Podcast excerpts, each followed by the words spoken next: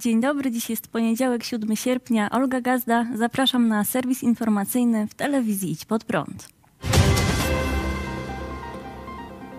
Kłopoty ministra zdrowia. Naczelna Izba Lekarska wysłała pismo do premiera Mateusza Morawieckiego z informacją, że środowisko lekarskie straciło zaufanie do ministra zdrowia Adama Niedzielskiego i że zawiadomi prokuraturę o złamaniu przez szefa resortu tajemnicy lekarskiej. Mowa o wpisie zamieszczonym w sieci przez ministra Niedzielskiego, w którym zdradził, jakiego typu leki przepisał sobie lekarz, który alarmował w materiale TVN o gigantycznych problemach z wystawianiem e-recept. Przypomnijmy, 2 sierpnia weszły w życie nowe przepisy, które w trosce o bezpieczeństwo pacjenta ograniczają zdalne wystawianie recept na środki odurzające i psychotropowe. Wypisaniu takich leków musi teraz towarzyszyć badanie i ocena wpływu leku na pacjenta. Kilka dni temu w przestrzeni informacyjnej pojawiły się informacje o błędzie systemu informatycznego, który blokował możliwość wystawienia leku nawet przy bezpośrednim kontakcie z pacjentem.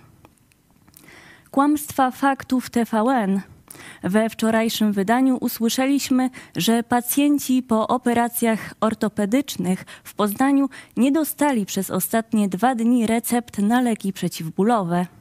Sprawdziliśmy w Poznaniu i co?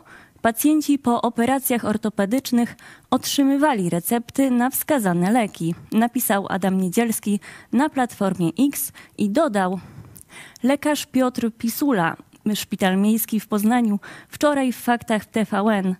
Żadnemu pacjentowi nie dało się wystawić takiej recepty. Sprawdziliśmy. Lekarz wystawił wczoraj na siebie receptę na lek z grupy psychotropowych i przeciwbólowych. Takie to fakty, jakie kłamstwa czekają nas dziś. To właśnie na tę wypowiedź zareagowała Naczelna Izba Lekarska. W odpowiedzi rzecznik Ministerstwa Zdrowia Wojciech Andrusiewicz poinformował, nie została naruszona tajemnica lekarska. Administratorem danych systemu e-zdrowia jest minister. Nikt nie ingerował w konto lekarza i nie weryfikował zapisanych na nim inform informacji. Informacja o wypisanej recepcie pochodzi z ogólnego systemu monitorowania wystawiania recept. W wydanym w sobotę oświadczeniu minister zdrowia przekazał, że upublicznienie informacji o wystawieniu recepty przez lekarza miało na celu między innymi obronę dobrego imienia ministerstwa. Przekazanie do powszechnej wiadomości informacji o wystawieniu recepty proautore przez lekarza miało na celu przeciwdziałanie bezprawnemu upublicznianiu nieprawdziwych danych, jakoby nie było możliwości wystawienia recepty na leki z grupy psychotropowych i przeciwbólowych. Te informacje przekazane w ogólnopolskiej stacji TVN wprowadzały nieuzasadniony lęk wśród pacjentów co do braku możliwości otrzymania należnej im recepty, czytamy w oświadczeniu. Adam Niedzielski podkreślił też, że wymagało to stanowczej reakcji i zniwelowania niepewności pacjentów, która została zasiana wypowiedziami lekarza.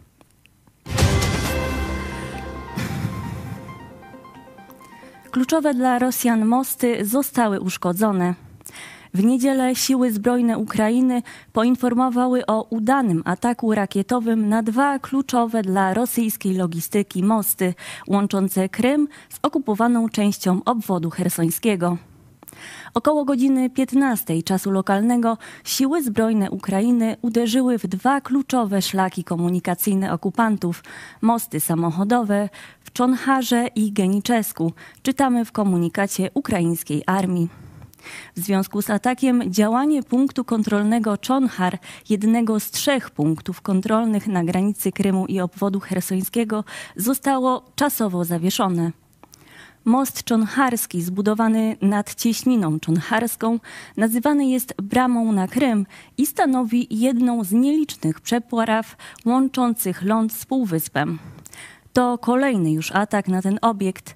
22 czerwca ukraińskie siły zbrojne uderzyły w most, powodując tymczasowe wyłączenie go z ruchu.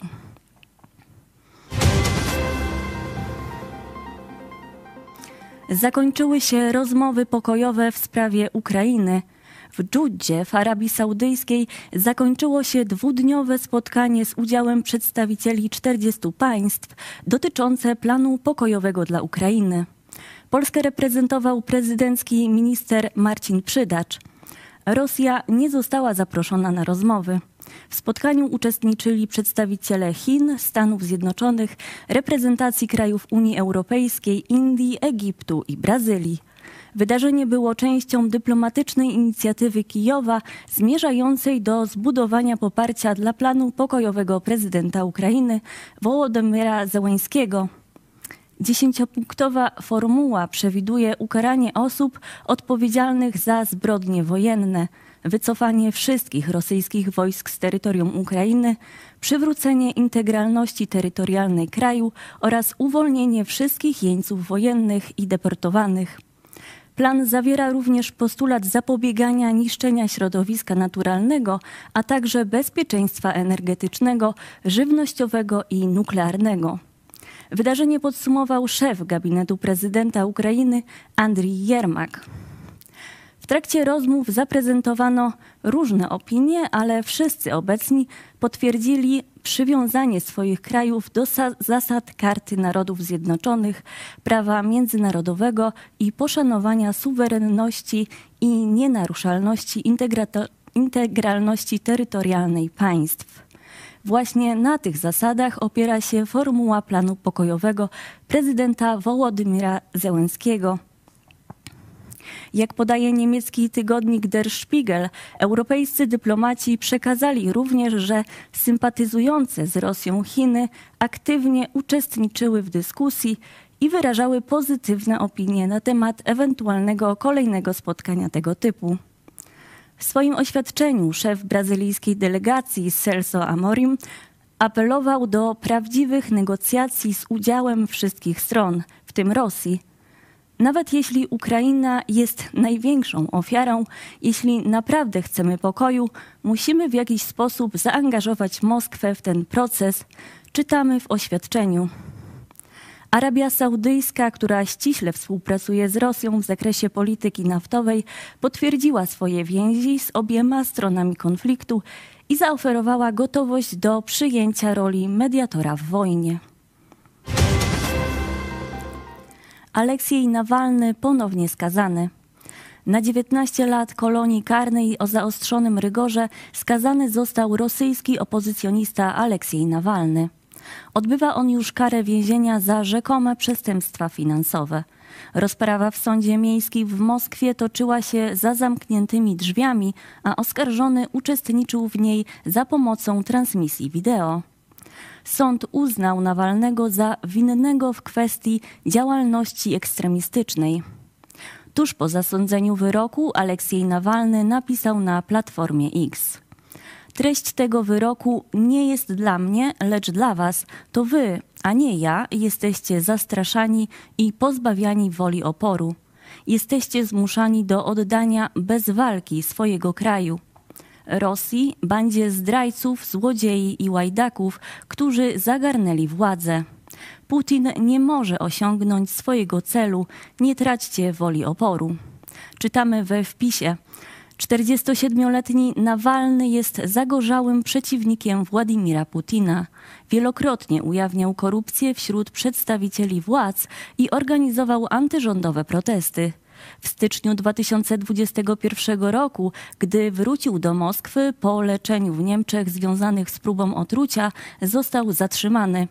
Jego zdaniem zamach na jego życie został zorganizowany przez rosyjskie służby specjalne. W lutym 2021 roku sąd odwiesił wobec Nawalnego dawny wyrok więzienia za rzekome przestępstwa finansowe.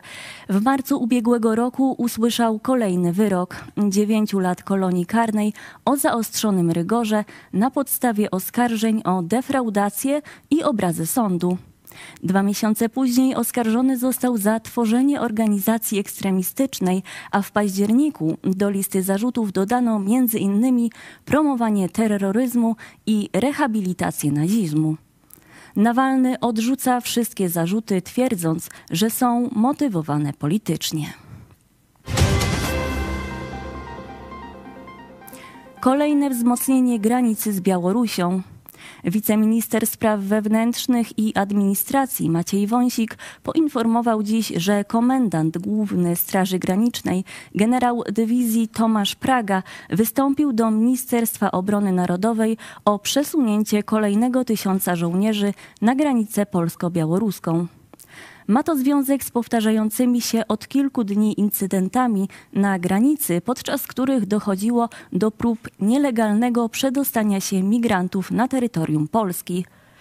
Po, na poniedziałkowej konferencji Maciek Wąsik stwierdził, że nasilające się ataki są związane z działaniami służb białoruskich i przypomniał, że na granicy rośnie agresja wobec polskich funkcjonariuszy Straży Granicznej i polskich żołnierzy.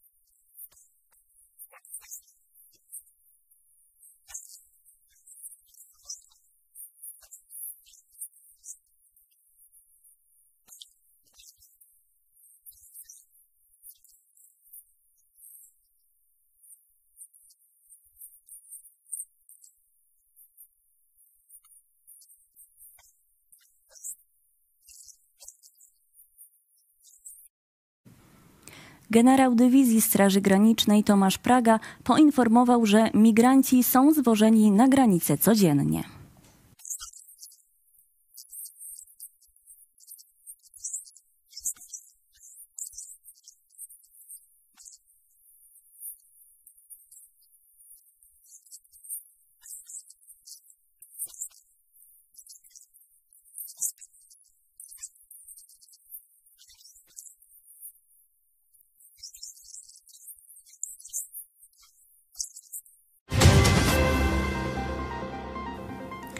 I to ostatnia informacja w dzisiejszym serwisie. Bardzo dziękuję za uwagę, a jeszcze dziś dogrywka w Idź Pod Prąd.